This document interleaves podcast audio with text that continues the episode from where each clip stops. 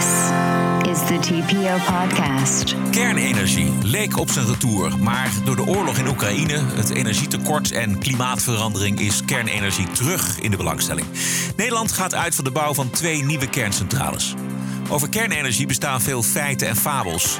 Die zetten we in deze speciale aflevering van de TPO-podcast op een rij met auteur en ecomodernist Marco Visser. Bert en ik hebben hem alles gevraagd wat we wilden weten. En dit is het interview in aflevering 434. Ranting and Reason. Bert Bresson, Roderick Phalo. This is the award winning TPO podcast. Marco Visser, je hebt drie boeken geschreven. De energietransitie, ecomodernisme, co-auteur van dat boek. En recent is verschenen Waarom we niet bang hoeven zijn voor kernenergie. En wat zo ontzettend plezierig is en wat ook de reden is om nou eens uitgebreid met jou te praten... is dat jij een van die rationele stemmen bent in een soms zeer emotioneel debat over klimaatverandering, energietransitie en kernenergie. Hoe beleef jij dat debat? Ja, ik, uh, nou, ik, volg het natuurlijk. En um, ja, ik sta zeker aan de, aan de kant van de voorstanders van kernenergie. Uh, waarbij ik natuurlijk ook wel realiseer dat daar een aantal stemmen zijn die erg doorschieten. Uh, daar zijn ook allerlei uh, redenen voor. Kernenergie is gewoon een hele fascinerende technologie. En dus de voorstanders kunnen doorschieten in hun enthousiasme. Zoals de tegenstanders kunnen doorschieten in hun, in hun argwaan. En hun, ja, ze hebben een grotere hekel aan kernenergie, denk ik wel eens dan aan uh, fossiele brandstoffen. En ik geloof dat we elkaar uiteindelijk wel kunnen vinden in een soort besef dat we natuurlijk af moeten van steenkool en aardgas en olie. Uh, en dat kernenergie en ook uh, wind en zon onderdeel zijn van een oplossing. Maar het is grappig dat, dat de discussie zo, ja, soms zo uit de hand loopt wanneer uitgesproken voorstanders en uitgesproken tegenstanders zich roeren op dit, op dit onderwerp. Het is inderdaad omgeven met, met emoties. Um, daar, is ook wel een, uh, daar zijn goede redenen voor dat dat zo is gekomen. Ja. Um, in mijn boek probeer ik ook wel uh, ja, die, die zorgen serieus te nemen uh, en te onderzoeken waar dat nou vandaan komt. Nou, dan gaan die emoties natuurlijk voor een deel terug naar de kernramp van Tsjernobyl, in 1986. Ja. Ja. Maar ze gaan ook terug naar een nucleaire wapenwetloop tijdens de Koude Oorlog, de atoombom op Hiroshima, maar eigenlijk ook nog zelfs daarvoor nog. Er waren eigenlijk al zorgen uh, voordat we überhaupt wisten hoe we de atoomkernen kunnen, uh, kunnen splitsen. Dus er zit een hele diepe, er is echt een diep gewortelde vrees die in ons zit. Als je zowel tegen kernenergie bent als tegen fossiele brandstoffen, waar, waar moet de energie vandaan komen dan? Kijk, als je ervan uitgaat dat we met heel veel zonnepanelen en heel veel windmolens kunnen voorzien in onze energiebehoeften, ja, dan denk je dus dat kernenergie niet nodig zal zijn. Maar je zult heel veel windmolens en heel veel zonnepanelen nodig hebben. En een soort superbatterijen die nog niet bestaan. En je zult waterstof moeten produceren met het overschot. Dus je, zult, je hebt nog extra zon en wind nodig om, uh, om waterstof te produceren. Uh, het is gewoon een heel complex plaatje uiteindelijk. Zou het met alleen zon- en windenergie kunnen? Uh, volgens de modellen wel, laat ik het zo zeggen. Maar die modellen die zijn nogal afhankelijk van alle aannames die je erin stopt. En als je ervan uitgaat dat er superbatterijen zijn. Uh, en als je ervan uitgaat dat er een heel netwerk is. Dat de hele wereld ongeveer omspant. Zodat we energie kunnen transporteren. Um, ja, dan zou het kunnen werken. Maar ik vind het, heel, ik vind het eigenlijk absurd om, om je zo blind te staren op dit soort modellen. Wanneer we gewoon in de geschiedenis, nog maar moderne geschiedenis, gewoon kunnen kijken en zien welke landen er nou eigenlijk in geslaagd zijn om die CO2-uitstoot sterk terug te dringen.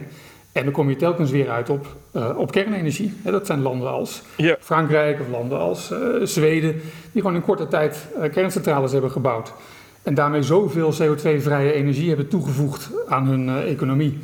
Ja, dat zij ehm, fossiel eigenlijk buitenspel hebben kunnen zetten. En dat is nog niet gelukt met wind en zon. En het is de vraag of dat ook echt gaat lukken. Ja, want die aannames die die mensen doen, dat zijn al wel hele radicale aannames. Want het, het, gaat, het moet natuurlijk iets zijn van over de hele wereld. De hele wereld moet op, op een gegeven moment uh, afhankelijk zijn van, van wind en zonne. Hoe zien ze dat voor zich dan? Want met de groei in, in Azië en Afrika zie ik dat gewoon nooit gebeuren. Nee, dat, uh, dat klopt. Er is, kijk, hier gaan we niet heel veel meer energie verbruiken. Je zult, zult wel een verschuiving zien dat we meer elektriciteit verbruiken. Hè, want we willen natuurlijk meer elektrisch koken en elektrisch rijden en oh, elektrisch verwarmen. Uh, maar dat is alleen maar goed. Dat is veel efficiënter namelijk om het via elektriciteit te doen. Dus dat is goed. Maar je moet natuurlijk wel de bronnen hebben om het allemaal op te wekken. Hier in het westen uh, kunnen we ook nog wel iets minder. Heb ik ook wel gemerkt trouwens deze winter. Uh, wij zetten hier de thermostaat ook wat uh, lager, zou ik maar zeggen, vanwege de oorlog in, in Oekraïne.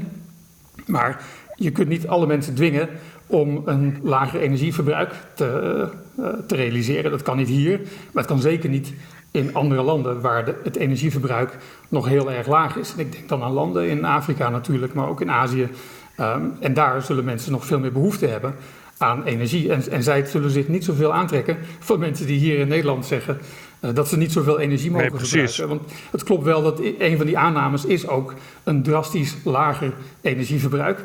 Maar ook dat, als je terugkijkt naar de geschiedenis, dan zie je dat we eigenlijk steeds meer energie verbruiken. We zitten nu overigens wel op een soort, ja, je zou kunnen zeggen een piek. Uh, het gaat nu niet heel, meer, heel veel verder meer. Maar ehm, eh, nee, mensen hebben gewoon energie nodig om iets van hun leven te maken, om meer mogelijkheden te krijgen, om andere dingen te doen dan alleen maar uh, als, als, boer op het land uh, onkruid wieden, zou ik maar zeggen. Kunnen ze het er dan niet over eens worden dat wind en zonne dat, dat nooit voldoende gaat zijn? Het is toch niet zo heel moeilijk om dat te onderzien. En ik heb het idee dat uh, al, die, al die activisten dat gewoon niet, niet willen inzien. Wat ik om me heen zie in de klimaatbeweging, in de milieubeweging, is dat er echt wel steeds meer mensen zijn die openstaan voor uh, kernenergie. Ik ben daar zelf natuurlijk ook uh, een voorbeeld van, maar er zijn er echt wel meer. Um, er, er, komt meer verzet tegen het sluiten van kerncentrales, zoals in Duitsland natuurlijk al een tijdje gaande is, zoals ze ook in, in België aan het doen zijn en nog altijd van plan zijn ook. Um, daar komt steeds meer verzet tegen. Um, en dat is ook logisch, want eh, het is echt het stomste wat je kunt doen natuurlijk, is om nu CO2-vrije energiebronnen dicht te gooien op het moment dat je het allemaal nodig hebt. Uh, en dat wordt alleen maar versterkt natuurlijk door die oorlog in, uh, in Oekraïne, want we willen liever geen fossiele brandstoffen meer uit, uit Rusland halen. Dus klimaatverandering is ook inmiddels niet meer het enige argument om, uh, om voor kernenergie te kiezen. Nee.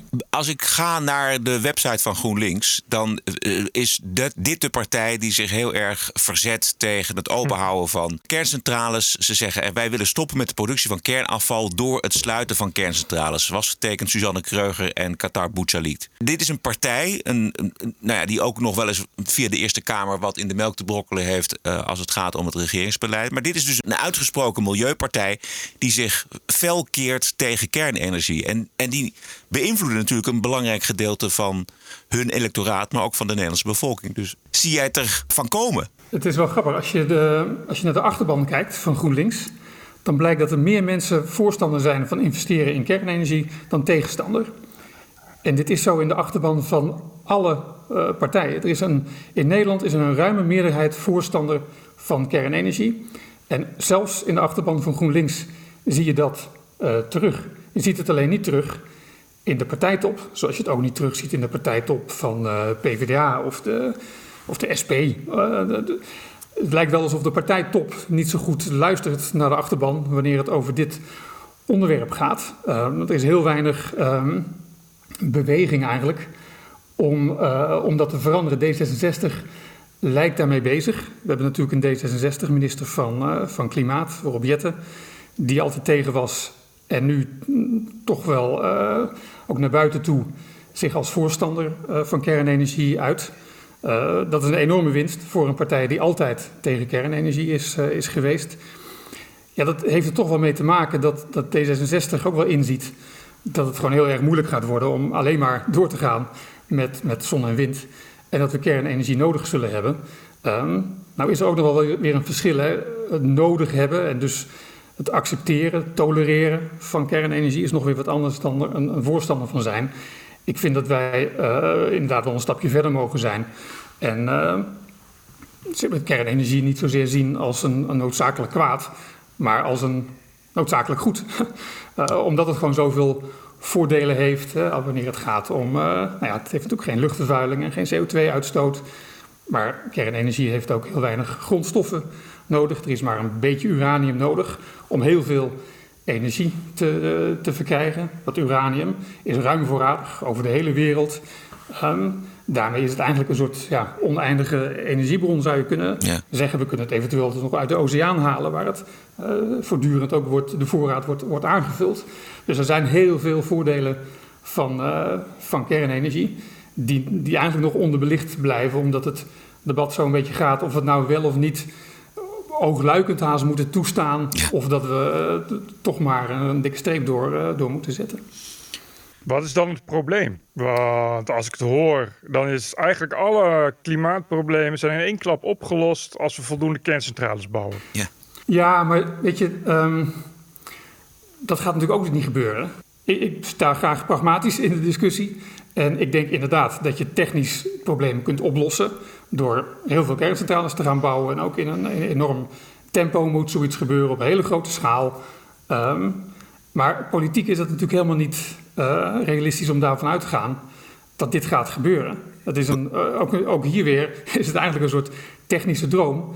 Zoals de voorstanders van hernieuwbaar, van zon en wind, ook in een soort droomwereld dan leven. En denken dat alles met zon en wind eh, Ja. gaat plaatsvinden. Dat, dat zal niet zo zijn, want we leven niet in die wereld waarin dat op die manier wordt, eh, wordt bepaald. Bij de Duitsers eh, naast de deur hebben we een, een, een voorbeeld van een maatschappij die op een gegeven moment heeft besloten voor, om alle 33 kerncentrales te sluiten en dan maar over te gaan op kolen en bruinkool. En allemaal ten behoeve van het klimaat. Het, het is, je, verstand staat erbij stil. En we hebben dat voorbeeld. En we lijken toch ook weer geen haast te maken met kernenergie. Nee, ik in sommige landen eh, is die urgentie er wel. Hè. In, eh, in Polen willen ze heel graag af van, eh, van steenkool. Ehm, daar zijn nog grote plannen voor, eh, voor kernenergie. Je ziet het in meer landen, in, eh, in met name toch Oost-Europa. Eh, Engeland is er echt wel serieus mee bezig. Niet alleen met eh kerncentrales die ze nu bouwen, maar die ze ook in de toekomst willen bouwen. In Azië eh, zijn er eh, veel plannen en ook veel, wordt er veel gebouwd. Eh, ook in Afrika zijn er plannen om, om te bouwen. Ehm, niet al die plannen gaan door overigens, voor een deel ook omdat Rosatom, dat is een van de weinige partijen die natuurlijk kerncentrales kunnen bouwen. Dus de vraag is in hoeverre die plannen door zullen gaan wanneer ze met de Russen zijn afgesproken. Ja. Ehm, maar ja, buiten, het lijkt wel alsof buiten een klein deel van Noordwest-Europa er gewoon zeker besef is van het, eh, de nut en noodzaak van, eh, van kernenergie. Maar dat er een kleine groep landen is, en Duitsland is daar waarschijnlijk een voortrekker van, die zich gewoon voortdurend tegen, tegenkeert. En het is wel wonderlijk hoe dat in Duitsland eh, kan. Hè? Veel mensen zeggen ja, er is zo'n geschiedenis in Duitsland met eh, nou, de antroposofie leren van eh, Rudolf Steiner bijvoorbeeld. Heel erg terug naar de natuur. En dat klopt ergens ook wel, maar er is in Duitsland ook een hele andere cultuur, namelijk een techniekcultuur. Er is daar ook hele zware industrie. En kerncentrales behoren volgens mij tot ongeveer de beste van de wereld. Daar is nooit iets mis mee geweest. Dus Duits- het is niet zo heel makkelijk volgens mij voor ons om, om de vinger op de zere plek te leggen. Kolen is daar heel sterk onderdeel van, eh, van de cultuur. Zoals het in Engeland trouwens ook een tijd was. Maar in Engeland hebben ze zich heel erg tegen kolen gekeerd. Voor een deel vanwege al die stakingen van de mijnbouwwerkers bijvoorbeeld. Ehm, dus in Engeland heeft kool een, een slechte naam gekregen. Maar in Duitsland leeft er nog altijd iets van dat kolen. Dat, dat vinden, de- ja, dat- dat- daar zijn de Duitsers eigenlijk dol op. Dus- En dus ze hebben ze ook de afgelopen, eh, afgelopen tien jaar eh, in ieder geval twee nieuwe kolencentrales eh, gebouwd. In een tijd van alles voor, voor, alles voor het klimaat. Ik vind het gewoon raar als je, de, als je het activisme hoort, wat soms echt gierend is. Gisteren nog dat ze wilden bespreken of je wel of geen geweld mag gebruiken voor klimaatdoeleinden. Dus voor, voor sommige mensen, zeker klimaatactivisten, kan het niet ver genoeg gaan. Maar ze willen geen kernenergie, terwijl tot nu toe alles wat ik hoor is echt probleem eenvoudig op te lossen. Gewoon door kerncentrales te Het is toch raar dat dat er dan niet, niet in kan. Daar zou toch iedereen dan blij van worden? Volgens mij is er een verschil tussen wat ze zeggen en wat ze eigenlijk voelen. Wat ze zeggen is, het komt te laat. Nou ja, dat horen we al twintig jaar, dat iets, eh, dat kernenergie te laat komt. En als je dat blijft zeggen en blijft eh, eh, tegenhouden, dan Ja. zal dat ook natuurlijk waar, ja, waar worden. Ze zeggen dat het te duur is. Nou, dat klopt ook niet helemaal. Ehm, natuurlijk is stroom uit de windmolen of uit een zonnepaneel heel goedkoop. Ehm, maar eigenlijk moet je kijken naar het hele systeem. Want het, uh, je wilt ook energie op het moment dat het niet waait, of dat de zon niet schijnt. Dus je moet naar de systeemkosten kijken. En dan is een kerncentrale wel heel duur. Maar de energie die het levert is goedkoop. Zeker omdat die ook, de kerncentrale staat aan het einde van de eeuw. Staat die er nog als je er nu eentje zou openen. Um, Ze zeggen uh, het afval is een enorm probleem. Nou, dat is het ook eigenlijk niet. Want er zit nog heel veel energie in dat kernafval. Dat we er eigenlijk gewoon uit kunnen halen door het weer opnieuw aan de voorkant van de kerncentrale erin te stoppen. Dat is volgens mij helemaal ook in lijn met alles wat de milieubeweging, uh, waar de milieubeweging voor staat, namelijk het recyclen van, uh, van afval. Ik vind het ook een hm. absurd idee om dat kernafval een halve kilometer onder de grond te stoppen in, in, in granieten rotsen, zoals we nu in Finland doen, uh, waar het dan honderdduizenden jaren of miljoenen jaren veilig is voor de omgeving. Uh, maar laten we het alsjeblieft gewoon hergebruiken. Dat zijn een beetje de argumenten. Natuurlijk de veiligheid is er ook eentje. Maar ook hier geldt weer, als je alles op een rij zou zetten, dus de, de ongevallen wanneer het gaat om de mijnbouw en het transport en, en de productie van energie en de afvalverwerking. Ja, dan komt kernenergie er gewoon hartstikke goed uit, net als wind en zon trouwens. Uh, de grote schade zit natuurlijk bij de fossiele brandstoffen uiteindelijk. Um, dus wat ze zeggen, um, daar is makkelijk iets tegen in te brengen. Maar wat ze volgens mij eigenlijk bedoelen, en wat ik ook wel hoor als ik verder praat met mensen die tegen kernenergie zijn, eigenlijk willen ze niet een wereld waarin we zo, zoveel energie eh, gebruiken en verspillen. Ze vinden het vooral verspilling eigenlijk.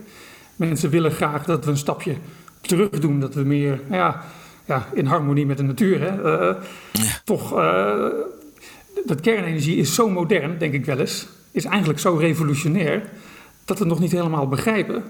Want wij staken natuurlijk overal altijd gewoon de fik in, zeg maar, in, in, in hout, in takken en zo, en mest en, uh, en steenkool op een goed moment. Je, dat is wat we doen. Maar bij het splitsen van een atoomkern, ja, dat, dat, dat is zo duizelingwekkend. Dat werd ook amper begrepen toen 100 jaar geleden daar de, discussies over, uh, over bezig waren. We wisten gewoon niet zo goed hoe dat moest. En ik denk dat de mensen er toen niet klaar voor waren. En soms vraag ik me af of we er nu eigenlijk wel uh, klaar voor zijn. Zo revolutionair is het volgens mij waar wij het over hebben. Maar wat ze dus volgens mij, waar misschien altijd, ook altijd wel een soort uh, weerstand tegen is, is het idee dat er dus een, een technologische oplossing is, een techno-fix. Ik denk dat veel tegenstanders meer zijn van ja, wat je de socio-fix dan denk ik zou kunnen noemen. Dus het sturen van mensen. Minder energie verbruiken, dikke trui aandoen als het koud wordt. Ja. Uh, en ja, volgens mij gaat dat niet, in ieder geval niet in een democratie. Uh, maar dat is wel hoe mensen het liefste naar dit onderwerp kijken, volgens mij. Ja. Ze vinden het eigenlijk, het zou niet nodig moeten zijn. En daarom willen we het niet. Je ziet hetzelfde een beetje bij de antivaxers van tegenwoordig. Er komt een, een, een uh, pandemie, een gevaarlijke pandemie. En er wordt dan uh, met hypermoderne techniek, mRNA in dit geval, uh, een vaccin opgevonden. En je ziet hoe extreem mensen daar tegen zijn. En, dus, en voorbij het rationele. En volgens mij is dat hetzelfde. Het is zo'n onbekende techniek. En het is zoiets wat, wat zo ver weg van ze staat dat ze dat gewoon niet durven te vertrouwen. Ja, nee, dat is eigenlijk een hele mooie vergelijking die ik ook wel maak in mijn boek trouwens. Nog een parallel tussen de antivaxers en de anti-kernenergiebeweging is het, het, geloof in een soort samenswering. Dus de hm. antivaccins, die, die, die, die, is natuurlijk ook allemaal uh, onderdeel van de farmaceutische lobby die ons uh, eronder probeert te houden. Um, in, in de anti-kernenergiebeweging zie je ook zo'n neiging tot uh, dat denken in, in complotten. Maar het gekke is wel dat, nou dan moet ik zeggen eigenlijk de, de mensen die kritisch zijn op vaccinaties, en dan moet ik eigenlijk het coronadebat overslaan, meer de periode ja. voor corona, waarin natuurlijk ook altijd wel mensen kritisch waren over vaccinaties tegen, weet ik, polio of uh, DTP. Ja. Die, die, die, zag je nog wel eens op televisie, die schoven dan aan. En bij, een, bij een talkshow, die, die, las je ook wel eens in de krant. He, moeders die, die zich zorgen maakten over de gevolgen van, um, uh, van het vaccineren van hun kinderen. Maar eigenlijk werden die mensen niet heel erg serieus genomen. Ze waren niet heel erg onderdeel van het debat. Er werd toch een beetje ja, altijd al argwanend naar, naar gekeken. Die mensen moeten we niet te veel podium bieden. Maar het gekke is, wanneer je dezelfde onwetenschappelijke ideeën hebt over kernenergie en dezelfde samenzweringstheorieën eigenlijk, dan is er kennelijk niet zo heel veel aan de hand. Dan zijn de journalisten bijna klaar om je letterlijk ja. uh, te citeren en op te voeren ook als, alsof je de autoriteit bent op, uh, op dit gebied. Dus ja. daar, zit, daar zit dan weer wel een, uh, een verschil uiteindelijk. Kennelijk is het toch, ja, heeft het iets van een soort heilige status als je tegen kernenergie bent. Dat dan ben je voor de goede zaak of zo. Ja, ja, Zo wordt het gezien. Ja. Toch zeg jij dat er steeds meer uh, mensen overtuigd raken van het nut van kernenergie. De planning is twee nieuwe kerncentrales in Nederland.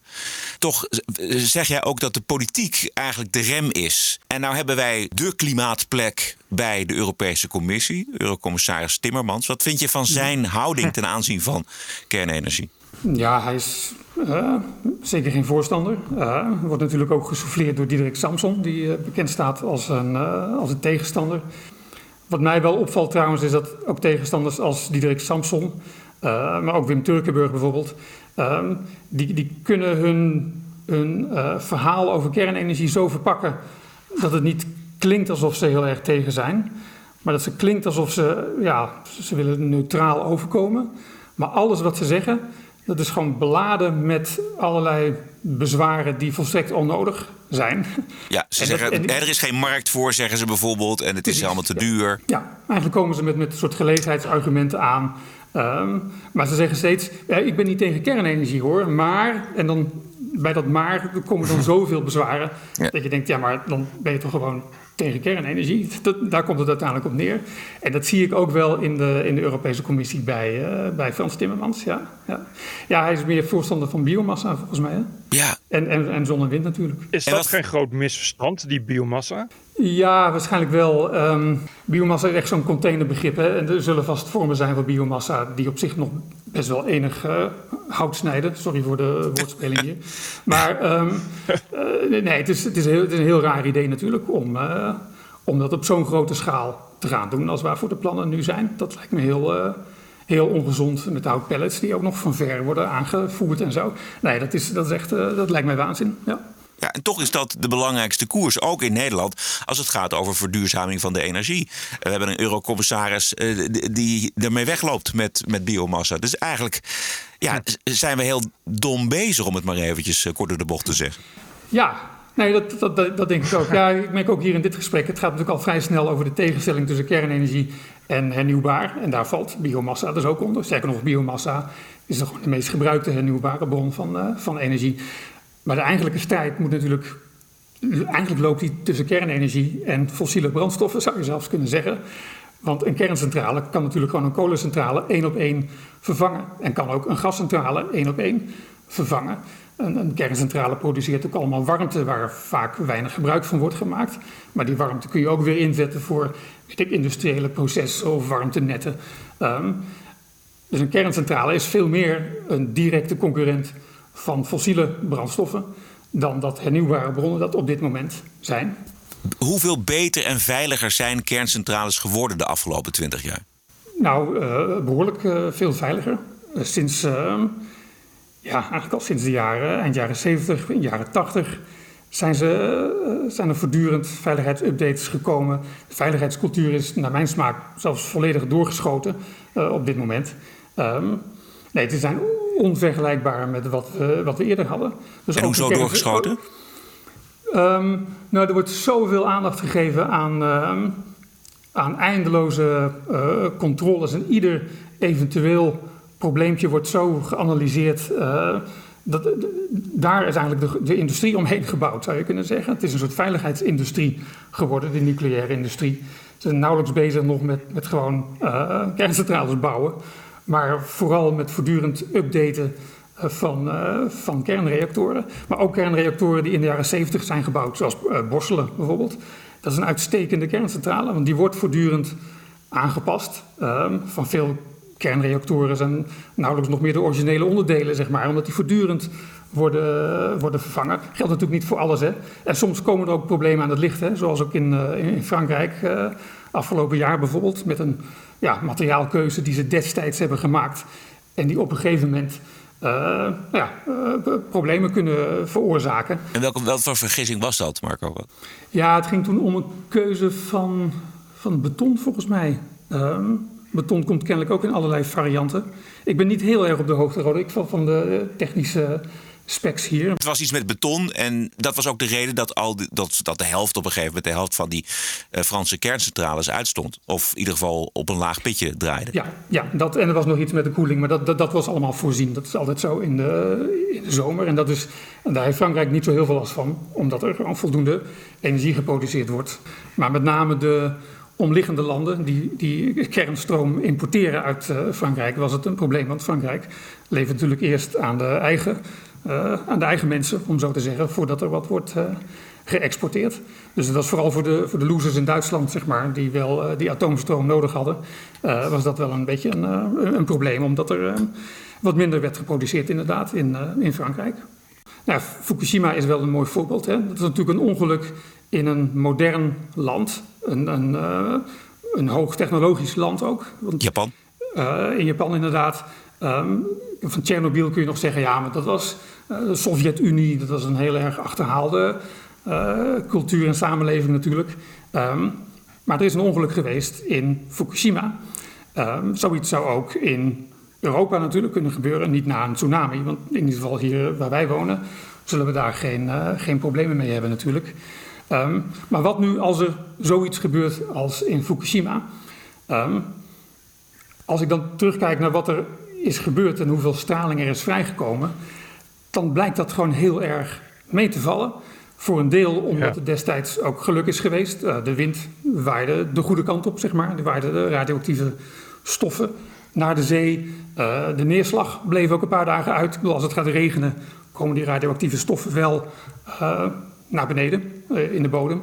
Nou, dat scenario is voor een deel afgewend gewoon door, door toeval eigenlijk, door het weer. Maar de omwonenden in zeg maar, een straal van 20 of 40 of 50 kilometer hebben gewoon heel weinig gemerkt van de, uh, van de, radio, van de verhoogde radioactiviteit in hun omgeving.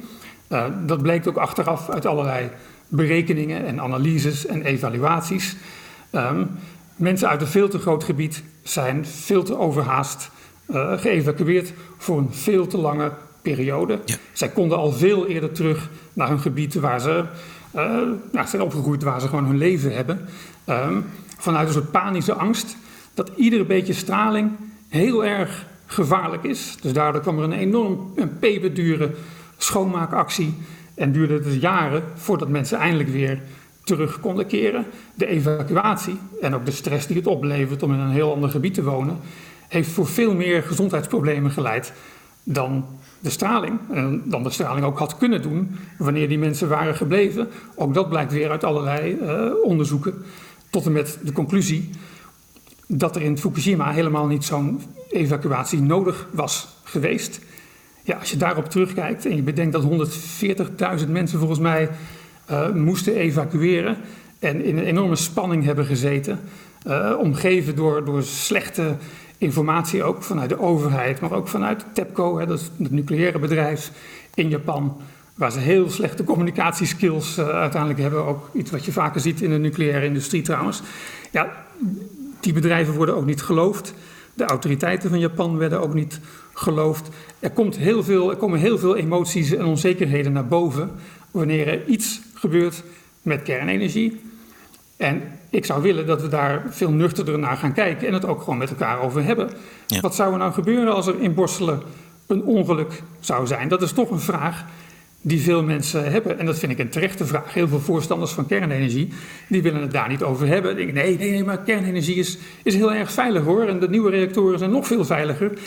Maar het is toch een hele reële uh, vraag van mensen. Ik zou ook wel willen weten wat de Nederlandse overheid gaat doen wanneer er een meltdown zou zijn in Borselen.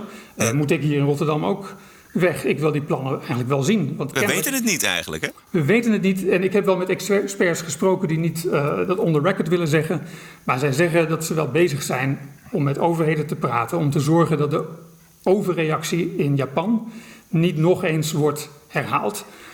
Maar ik vraag me af waarom moet dat allemaal dan weer in achteraf kamertjes. Waar ik wil gewoon weten wat, er nou eigenlijk gebeurt. En ik weet alleen maar dat wanneer een kernongeluk gebeurt, ook een meltdown, dat de radioactiviteit die, die eventueel vrijkomt, misschien komt er helemaal niks vrij zelfs, uh, want ook dat kan. Um, ik wil weten hoeveel dat is. Dat is heel erg weinig. Maar ik wil ook dat mensen weten dat zo weinig straling die vrijkomt geen schadelijke effecten zal hebben voor je gezondheid. Dat begint pas bij een niveau dat veel, veel hoger ligt. Eigenlijk op een niveau dat wij normaal gesproken nooit mee zouden maken. Ja, dit is ook in Tsjernobyl gebeurd. Hè? Dat is de, het beeld is dat het een enorme grote ramp was. En heel Europa is bestraald, noem het allemaal maar op. Maar er is iemand die heeft het uitgezocht. Volgens mij heb jij er ooit over geschreven, dat, maar dat weet ik niet zeker. Die het ook heeft uitgezocht van, van wat, is, wat was de werkelijke schade. Het aantal mensen wat ook echt zeg maar, direct aan de gevolgen gestorven is, is er eigenlijk heel klein. Ja, natuurlijk brandweermensen en die mensen die, die direct daarop stonden. Maar voor de rest valt het wel mee. En ook het aantal kankergevallen valt mee. Het aantal uh, uh, nou, restziektes na straling. Uh, weet je, dus, dus er is een beeld van, dat zei je in het begin ook al.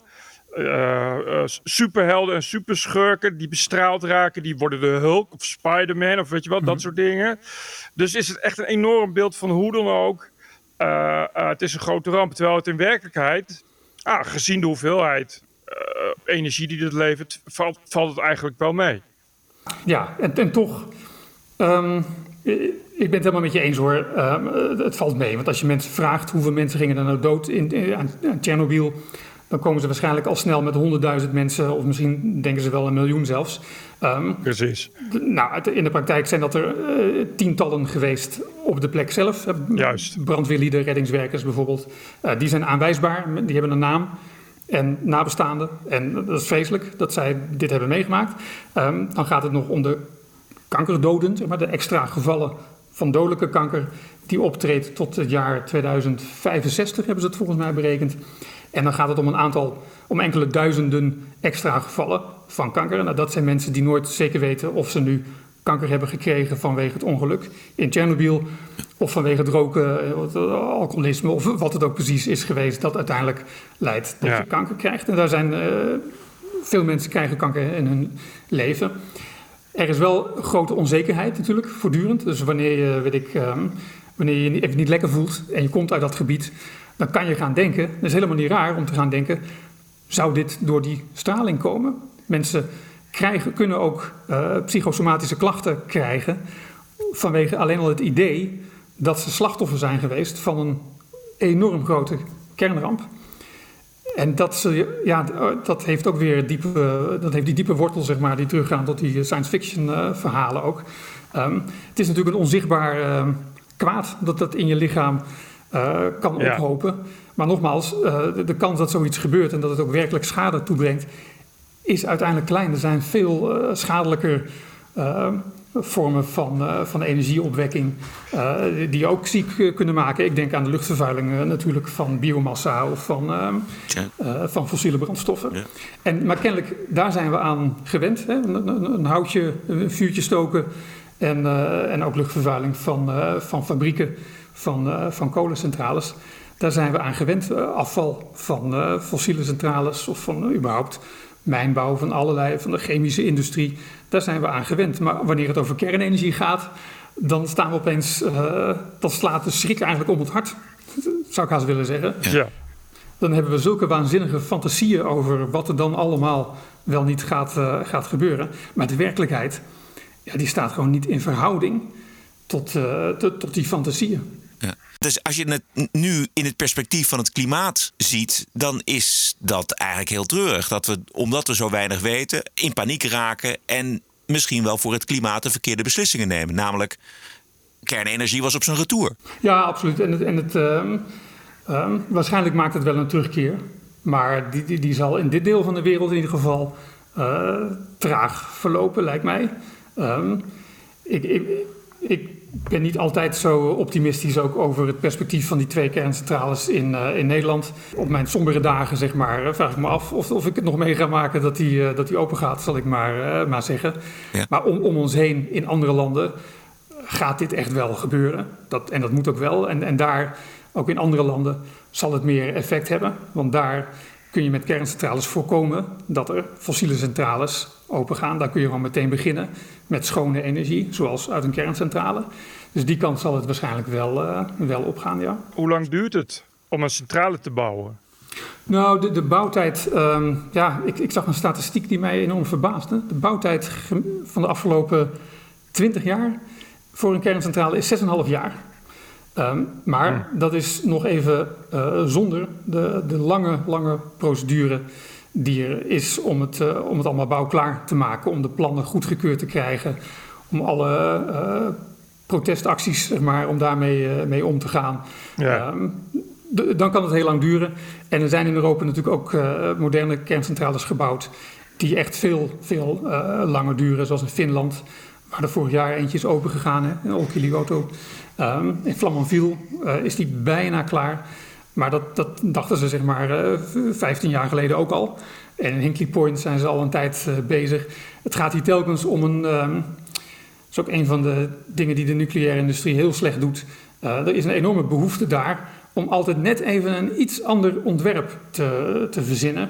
Geen twee kerncentrales zijn hetzelfde, zeg maar. Als je naar Amerika kijkt bijvoorbeeld, waar de nucleaire industrie natuurlijk wat meer ontwikkeld is dan, dan hier. Maar het is natuurlijk veel slimmer om gewoon voortdurend hetzelfde te bouwen. Zo'n keuze heeft uh, Frankrijk volgens mij ook ooit gemaakt. Gewoon hup, lekker doorbouwen. Je bouwt ervaring op op die manier, die je ook weer op een andere plek kunt, uh, kunt gebruiken. De Zuid-Koreanen doen dat ook heel goed, ook in andere landen waar zij met hun nucleaire bedrijf bezig zijn. Zij weten dat um, wanneer je iets bouwt waarmee je als bouwer ervaring hebt, en waarmee ook de regelgever ervaring hebt, heeft, um, dan kun je veel sneller kerncentrales bouwen dan wanneer je telkens weer um, ja, gaat bedenken hoe kunnen we het nou nog eens een keer weer, weer wat veiliger maken. Ik, ik, las in jouw boek dat Frankrijk in 15 jaar tijd 56 kerncentrales heeft gebouwd. Uh, dus, dus het kan wel en het kan ook in een hoog tempo. En waarom ben jij somber over of die twee kerncentrales in Nederland er komen? Nou, weet je, omdat het gewoon politiek volgens mij nog heel lang heel gevoelig uh, blijft. Politiek is natuurlijk ook een. Uh, laat ik zo zeggen dat de politiek een bepaald type mens trekt. om in de politiek actief te willen zijn. En dat zijn niet altijd de mensen die. Uh, nou, met, met, een, met een nuchtere, rationele kijk op de zaken, zal ik maar zeggen.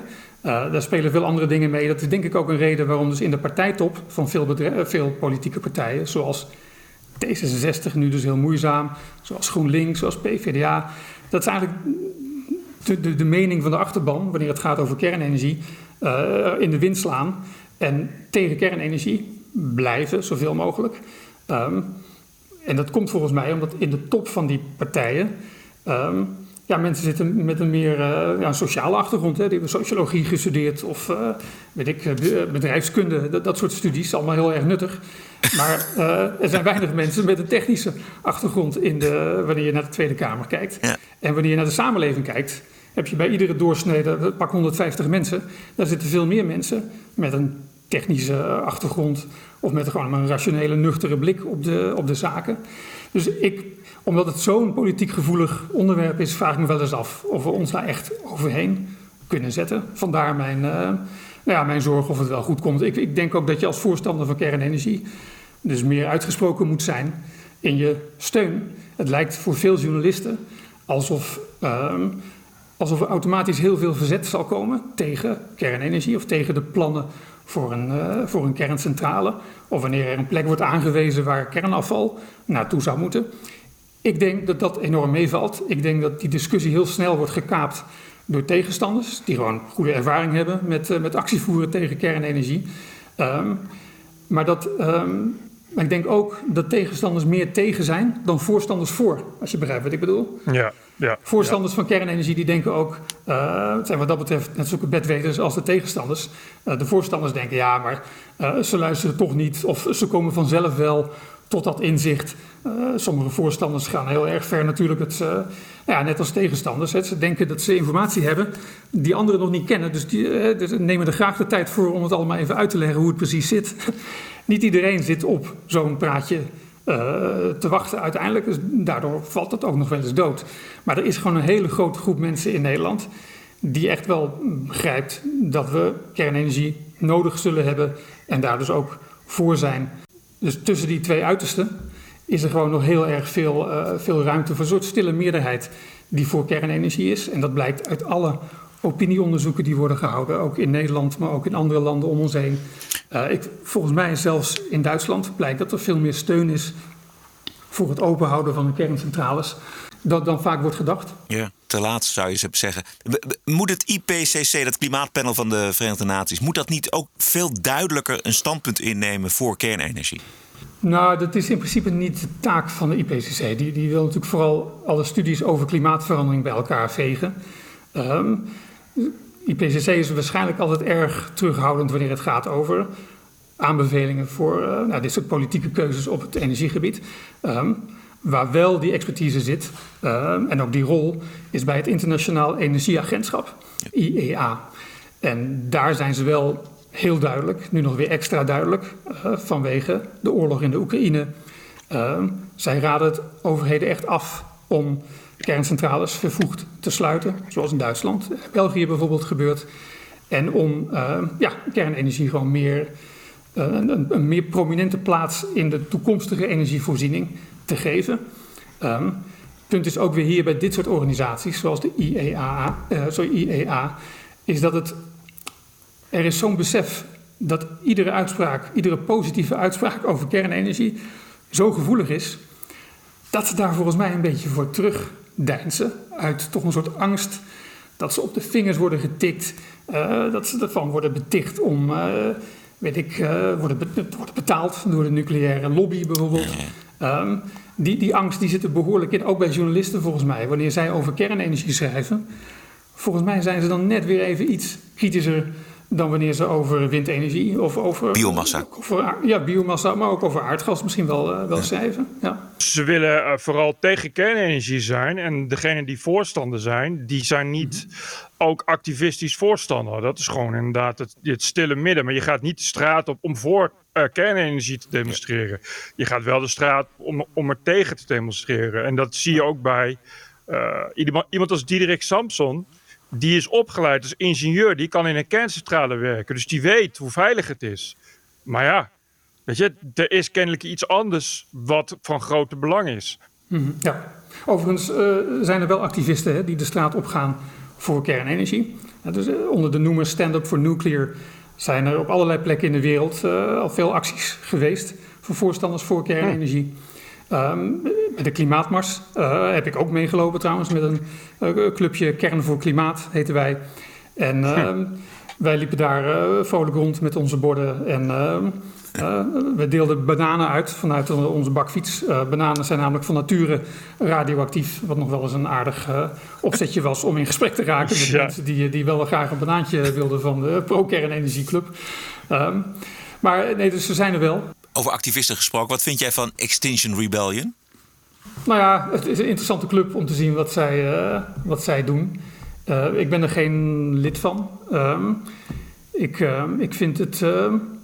ik ken een aantal afdelingen van Extinction Rebellion ook in andere landen.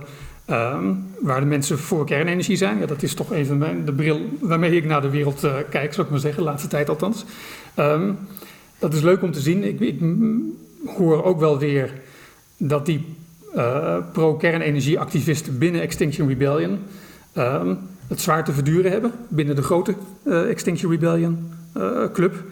In principe is er volgens mij niks binnen Extinction Rebellion dat kernenergie expliciet afwijst. Um, maar laat ik zo, ik, ik, snap op zich wel dat het niet altijd de mensen zijn die er heel erg voor zijn. Um, maar ik geloof, ja, Extinction Rebellion trekt veel jongeren. En je ziet bij jongeren ook dat er, um, ja, die gaan tegenwoordig natuurlijk gewoon naar Wikipedia.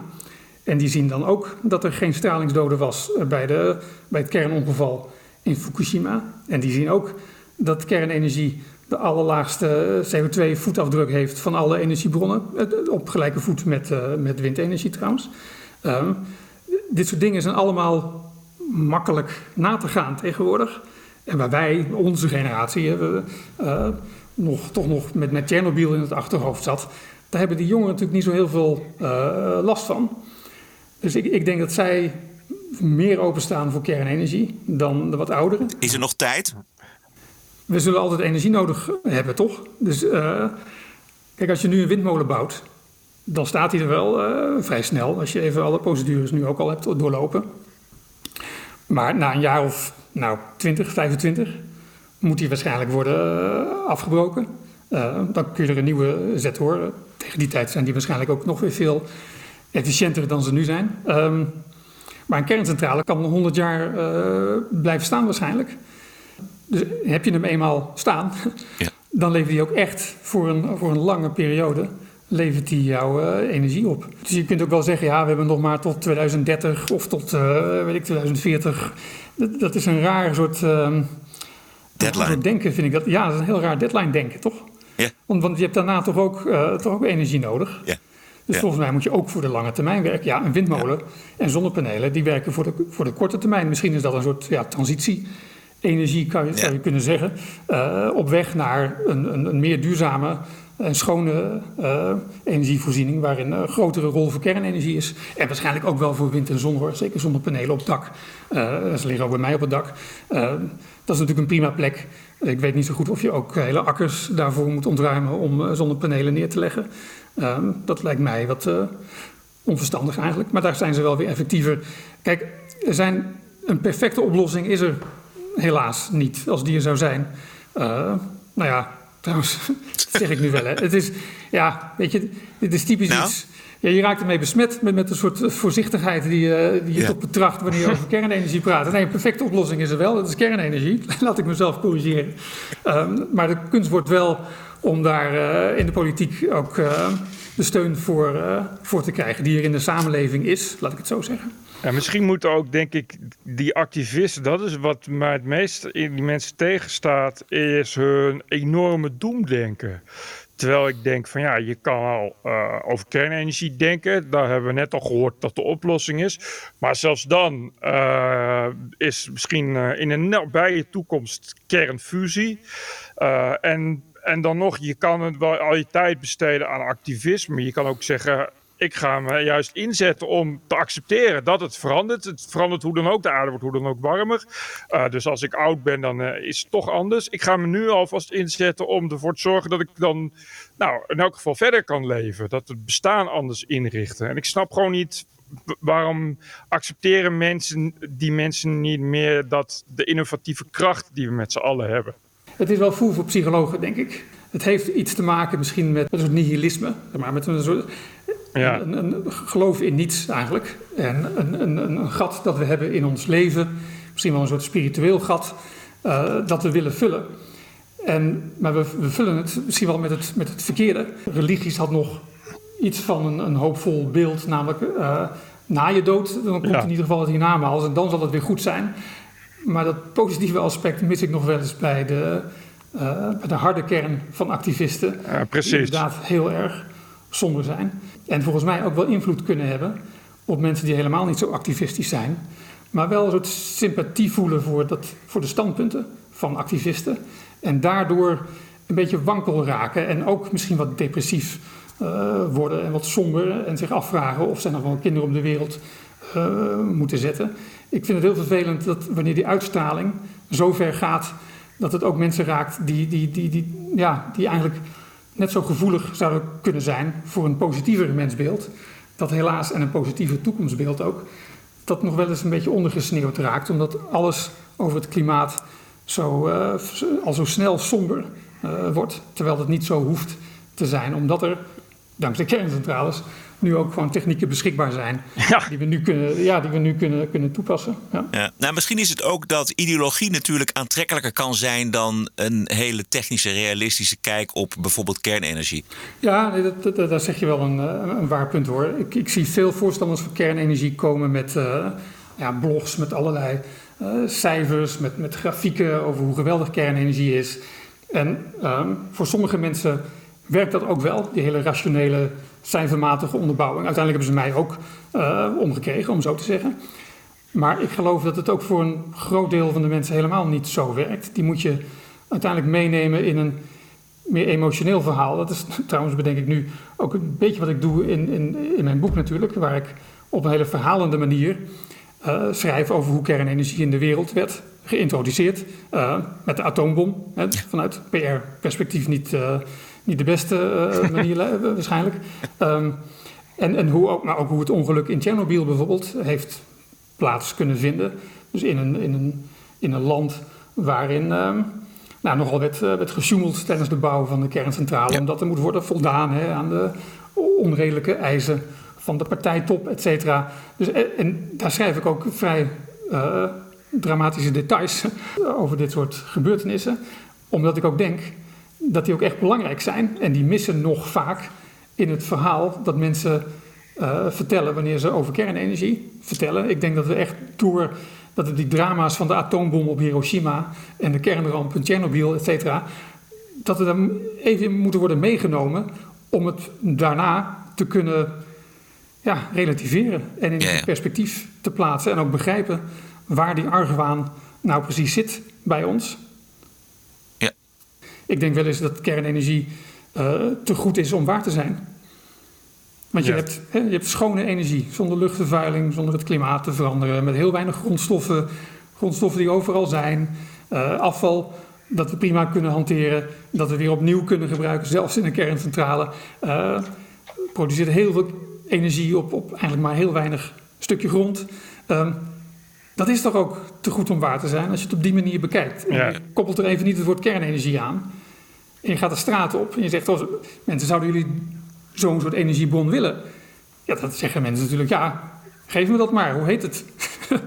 ja, kernenergie. Oh, dat, ja, dat, is, dat is toch even slikken dan. Ja, precies. Zoiets had ik ook bij kernfusie. Als je dan leest, weet je, het is bijna magisch. Weet ja. je, want dat kan bijna niet, dan moet wel wat achter zitten. Precies, het moet wel slecht zijn. Ja, ja het is wel wonderlijk. Hè? Ik, ik, merk het vaak dat mensen uiteindelijk over kernfusie beginnen. Um, en jij doet het nu ook, uh, Bert. En ook wel met een reden, hè? want het heeft iets, ja. het heeft iets magisch. Um, maar ja, kernfusie, dat, dat is echt nog wel iets voor... Uh, dat is nou echt nog voor de toekomst, hè? Dat moeten we nog zo ja. verder ontwikkelen. En uh, er worden wel stapjes in gezet, hoor, trouwens. Uh, maar ja, dat zou ook idioot zijn als er geen stapjes worden gezet voor een project dat zoveel geld kost natuurlijk. Um, maar ik denk wel eens dat we onze dromen, die projecteren we dan op kernfusie. Het is altijd weer iets... Uh, het is altijd weer in de toekomst moet het liggen, lijkt het wel. Ja, ja, terwijl, we, we, hebben het, we hebben het al. We hebben het eigenlijk ja. al, ja, ja. En misschien is kernfusie nog mooier. Maar um, ja, misschien is het wel zo dat kernenergie zo be bezoedeld is... Uh, dat het ons niet meer zal lukken om kernenergie ooit nog te waarderen onder deze naam. Maar wanneer we het kernfusie noemen, hè, dat we dan, ah, dat is iets Precies. nieuws, dat is iets wonderlijks. En, en, dat soort dromen zie je ook wel bij, bij voorstanders van kernenergie die heel erg op die innovatie zitten. Uh, dus nieuwe brandstoffen bijvoorbeeld. Uh, dus, dat je niet, niet zozeer uranium gebruikt, maar, maar thorium bijvoorbeeld. Uh, of ja. van die kleine modulaire redactoren die dus als een soort IKEA-pakket zo in elkaar kan klikken en hup, daar staat er weer een, een, kerncentrale. Ja, dat is volgens mij ook, wordt dat ingegeven door een soort vermoeidheid. Dat, dat je altijd zo moet opboksen tegen allerlei vooroordelen over kernenergie. Dat je denkt, weet je wat, ik ga gewoon het, nieuwe verhaal over nieuwe geavanceerde kernenergie vertellen. Alsof de kernenergie die we nu kennen niet al heel erg geavanceerd is en niet al heel erg veilig en schoon, et cetera. Dus ik, ik ben een beetje huiverig wanneer we al te veel weer in, nou, eigenlijk in een soort modellenwereld gaan kijken. Uh, hoe het in de toekomst nog beter zou, uh, zou kunnen zijn. Of het nou kernfusie heet of thorium. Weet je, misschien hebben we het ook allemaal wel nodig hoor. En ik vind het ook prima om erin te blijven investeren. Maar ik zou het zonde vinden wanneer het naar voren wordt geschoven als een argument of als een soort bewijs dat we nu niet verder moeten gaan met de kernenergie die we nu kennen. Want daar is niks mis mee. Nee, eens. Het is een prachtig boek. Uh, Marco Visser, helder geschreven. De geschiedenis en de toekomst van kernenergie. Het boek heet Waarom we niet bang hoeven te zijn voor kernenergie van uh, Marco Visser. Uitgeverij Nieuw Amsterdam. Te kopen de boekhandel en online bij bol.com. Marco, dankjewel. Yes. Tot zover aflevering 434. Vrijdag zijn we er weer met een reguliere aflevering. Die is voor alle vrijdagabonnees. Je bent al abonnee voor 4 euro per maand. Daar help je ons mee en jezelf uiteraard. Het houdt de TPO-podcast in stand. Abonneren kan via tpopodcast.nl. Dan spreken wij elkaar vrijdag weer. Ik zit dan in Italië en Bert op La Palma. Stay cool en tot vrijdag. TPO Podcast. Bert Bruson, Roderick Balo. Ranting and Reason.